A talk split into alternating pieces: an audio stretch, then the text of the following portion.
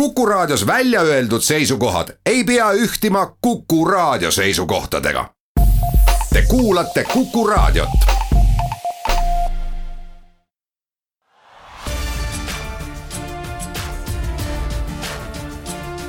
linnaveerand tere, head Kuku raadio kuulajad, eetris on Viljandi linnaveerand ja tänane saade on mõnevõrra eriline.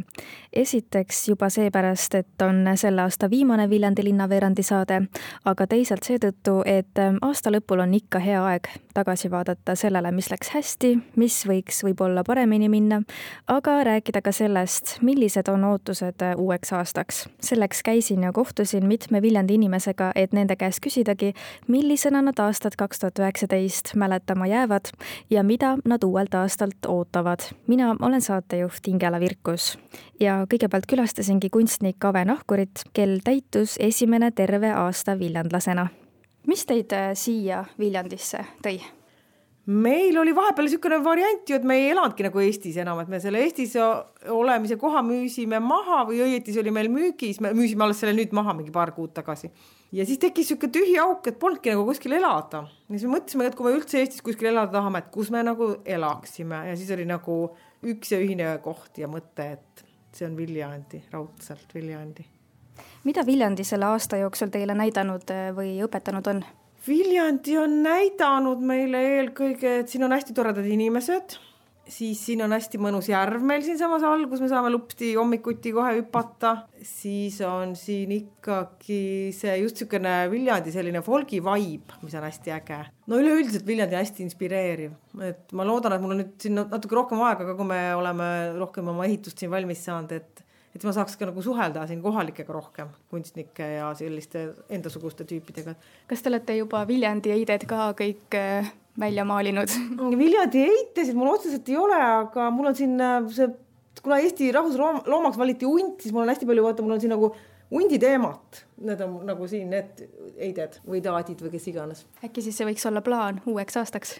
täiesti vabalt, jah järgmisena läksin Viljandi linnavalitsusse, kus rääkisin Viljandi linnapea Madis Timpsoniga, milline oli lõppev aasta Viljandi jaoks, millised olid olulisemad hetked ning mida toob uus aasta? no kaks tuhat üheksateist oli kindlasti väga tegus aasta. ega me jalga gaasipedaali pealt maha ei võtnud, ei kavatse seda teha ka järgmine aasta ja üldiselt Viljandile niimoodi ongi ju kombeks mis olid võib-olla need olulisemad sündmused või saavutused, mis siis sel aastal Viljandis toimusid?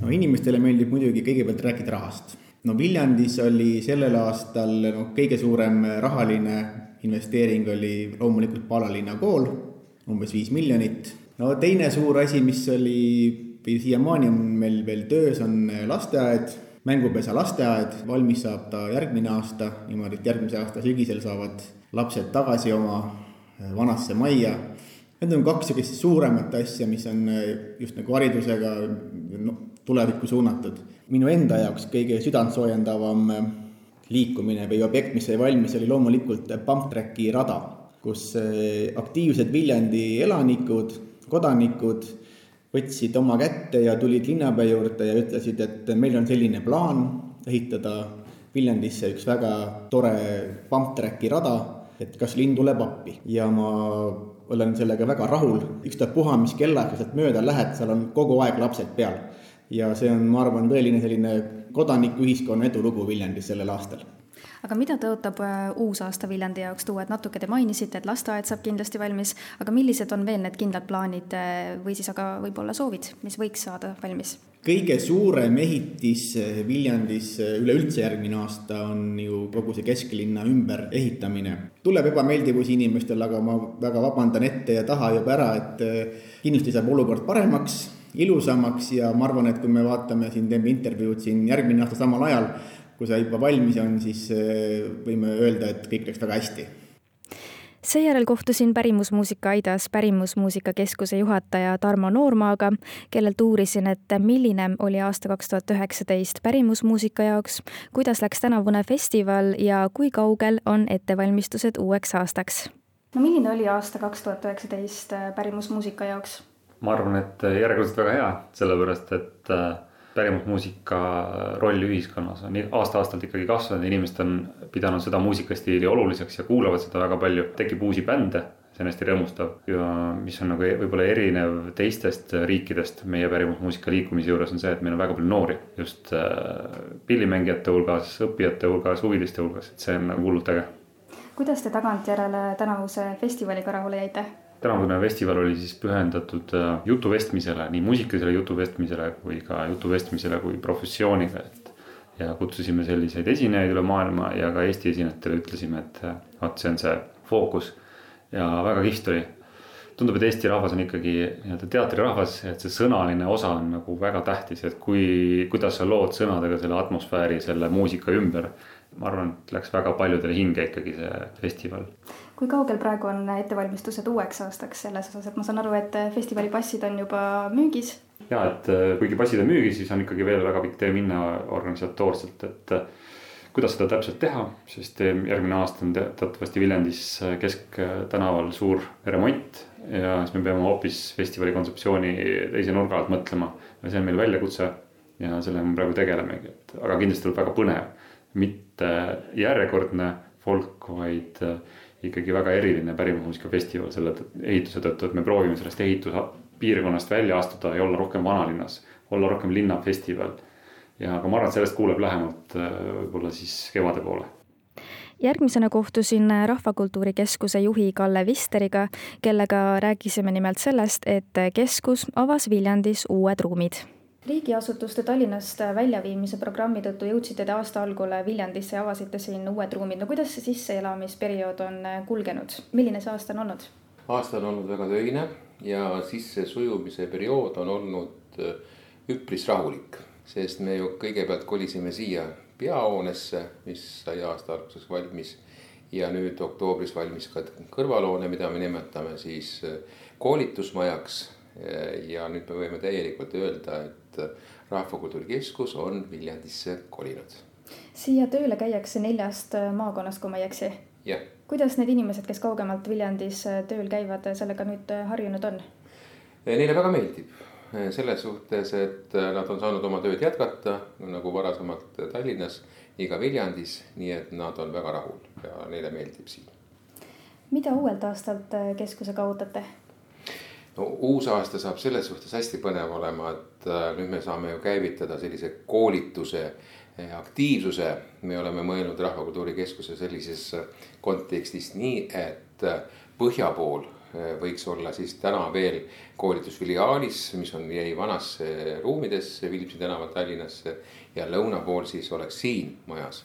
aga see ei tähenda seda, et me nüüd lööme nagu Eesti mõistest ähm, kahte sellisesse gruppi, vaid ikkagi me käime ka maakondades koolitusi läbi viimas vastavalt vajadusele. ja teeme ka maakonnaülest koolitust, nii et Rahvakultuuri Keskus on igas maakonnas kättesaadav ning viimaks kohtusin Ugala teatris Ugala teatrijuhi Karmen Taboriga, kes on pool aastat uues ametis olnud. küsisingi, kuidas sisseelamine on kulgenud, mis selle aasta jooksul suurimaks katsumuseks on olnud ning mida uuelt aastalt oodata kaks tuhat üheksateist on kindlasti meeldejääv teile isiklikult seepärast, et nüüdseks olete siis põhimõtteliselt juba pool aastat Ugala teatrit juhtinud. kuidas see sisseelamisperiood on möödunud? sisseelamisperiood läks väga hästi sest õigupoolest ma võin terve aasta nimetada Ugala aastaks. sest äh, kahekümne kuuendast jaanuarist tuli välja muusikal Vants, kus ma osalesin algatuseks, mis tähendab, et kogu see aasta on Ugala tähe all läinud minu jaoks. mis on selle aasta jooksul teile võib-olla kõige suuremaks katsumuseks olnud? noh mis me siis ikka salgame, eks ta ikka eelarve mm, kokkusaamine ja kõik need rahamured natukene tekitavad, aga selle kõrval on siiski väga palju rõõmu.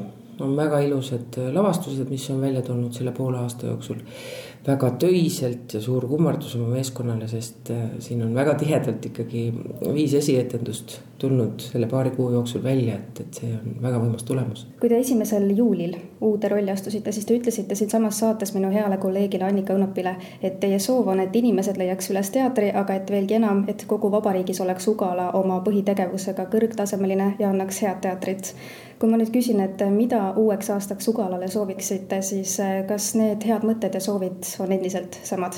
jaa, absoluutselt ja eriti selles äh, samas äh, juubelihooaja tuules, kus meil on tulemas väga erinevaid sündmusi, mida me tahame kõiki oma külastajatele, armsale publikule pakkuda, et see kõik on seda väärt ja ma loodan, et noh, kasvõi seegi, et Eesti Post juba väärindab meid ja austab nii-ütelda oma postmargiga Ugala sada, mis tuleb kohe Ugala sünnipäevaks, kuuendal jaanuaril ja sealt edasi, et meie lauliku esitluskontsert ja, ja vinüülplaadi esitluskontsert. ja muidugi kõik tulevased suurepärased lavastused, mis on, mis on siis tulemas ja, ja meie külalised, nii et äh, see, see töökas aasta kestab mis siis uuel aastal äh, tulemas on? kõigepealt on meil sõbrapäeval, neljateistkümnendal veebruaril on siis esimene uus lavastus. Taago Tubina lavastus Triller, sealt edasi tuleb neljandal märtsil Piruka magus põhi, mis on, ütleme siis selline kogu pere lugu Taavi Tõnissonilt ja tema meeskonnalt. ja sealt edasi astub ette meie loominguline juht Tanel Joonas väikses saalis Neli Rüütlit ja meie hooaja viimane lavastus on Priit Pedajaselt juubeliga seoses, siis läheme selleks suveks tagasi nii-ütelda juurte juurde Koidu seltsimajja. see lavastus Katku Haud, ma arvan, et võib seda juba välja öelda et, et tuleb seal. aga lõpetuseks, mida te sooviksite heale raadiokuulajale uueks aastaks? ma soovin meelerahu ja rõõmu, hoida ja usaldada oma kalleid, lähedasi, oma töökaaslasi. ja ma usun, et siis me saame eluga edasi ma ikka sooviks raadiokuulajale loomingulisust, loomingulisust ja veel kord loomingulisust, et ikka looge oma kätega ja oma peaga igasuguseid asju ja ärge niisama vinguge. mina soovin ikka et optimistlikku meelt, ärge virisege liiga palju, see ei aita, pilk püsti, elu on tegelikult ilus. mina sooviks ikkagi väga häid muusikalisi elamusi kui vähegi võimalik, et inimesed leiaksid endale uusi lemmikuid ja jääksid oma vanadele lemmikutele truuks ja ikkagi, et muusika oleks äh, igapäevaelu oluline osa ja ise võtaksid ka pilli kätte ja laulaksid nii sünnipäevalaulas, lauas kui vabal ajal, et seda ma sooviksin tegelege rahvakultuuriga, hoidke seda oma südames, oma hinges ja kindlasti andke neid teadmisi ja oskusi edasi oma järeltulevastele põlvkondadele. siis me võime öelda, et Eesti elab, Eesti hingab rahvakultuuri vaimus ja ma soovin ilusat vana aasta lõppu ja veel võimsamat rahvakultuuri aastat järgmisel aastal teile kõigile selleks korraks ja selleks aastaks ongi nüüd aga kõik. ma loodan, et need ilusad mõtted ja soovid jäävad teid uuel aastal saatma. tänan teid omalt poolt kuulamast, mina olen Ingela Virkus, soovin teile head vana aasta lõppu ja ilusat uut ning kohtumegi juba uuel aastal.